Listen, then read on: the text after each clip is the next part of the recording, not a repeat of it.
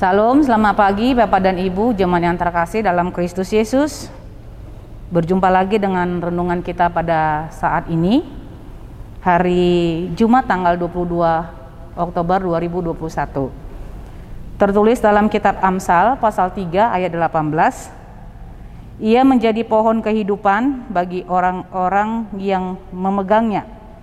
Siapa yang berpegang padanya akan disebut berbahagia. Demikian firman Tuhan.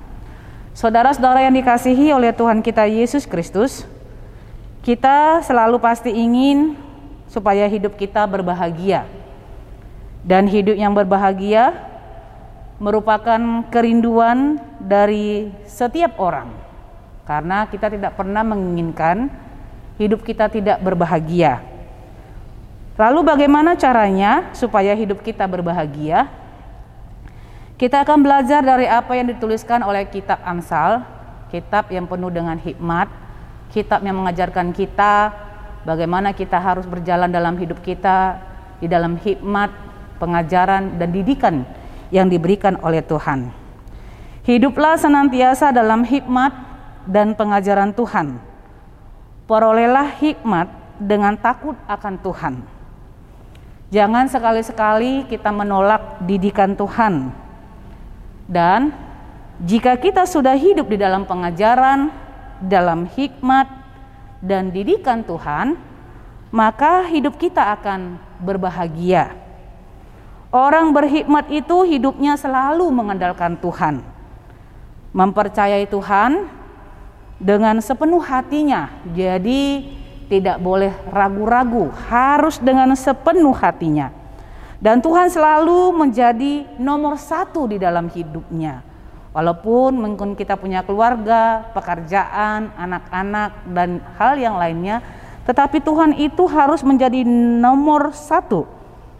Dan kalau orang sudah menempatkan Tuhan menjadi nomor satu dalam hidupnya dengan hikmat, pengajaran, dan didikan yang diberikan Tuhan, maka ia akan menjadi pohon kehidupan bagi orang yang mau memegangnya.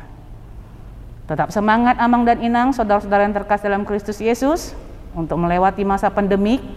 Jangan lupa memakai masker, mencuci tangan, hindari kerumunan, dan tetap selalu waspada dan jaga kesehatan. Tuhan Yesus memberkati. Kita berdoa.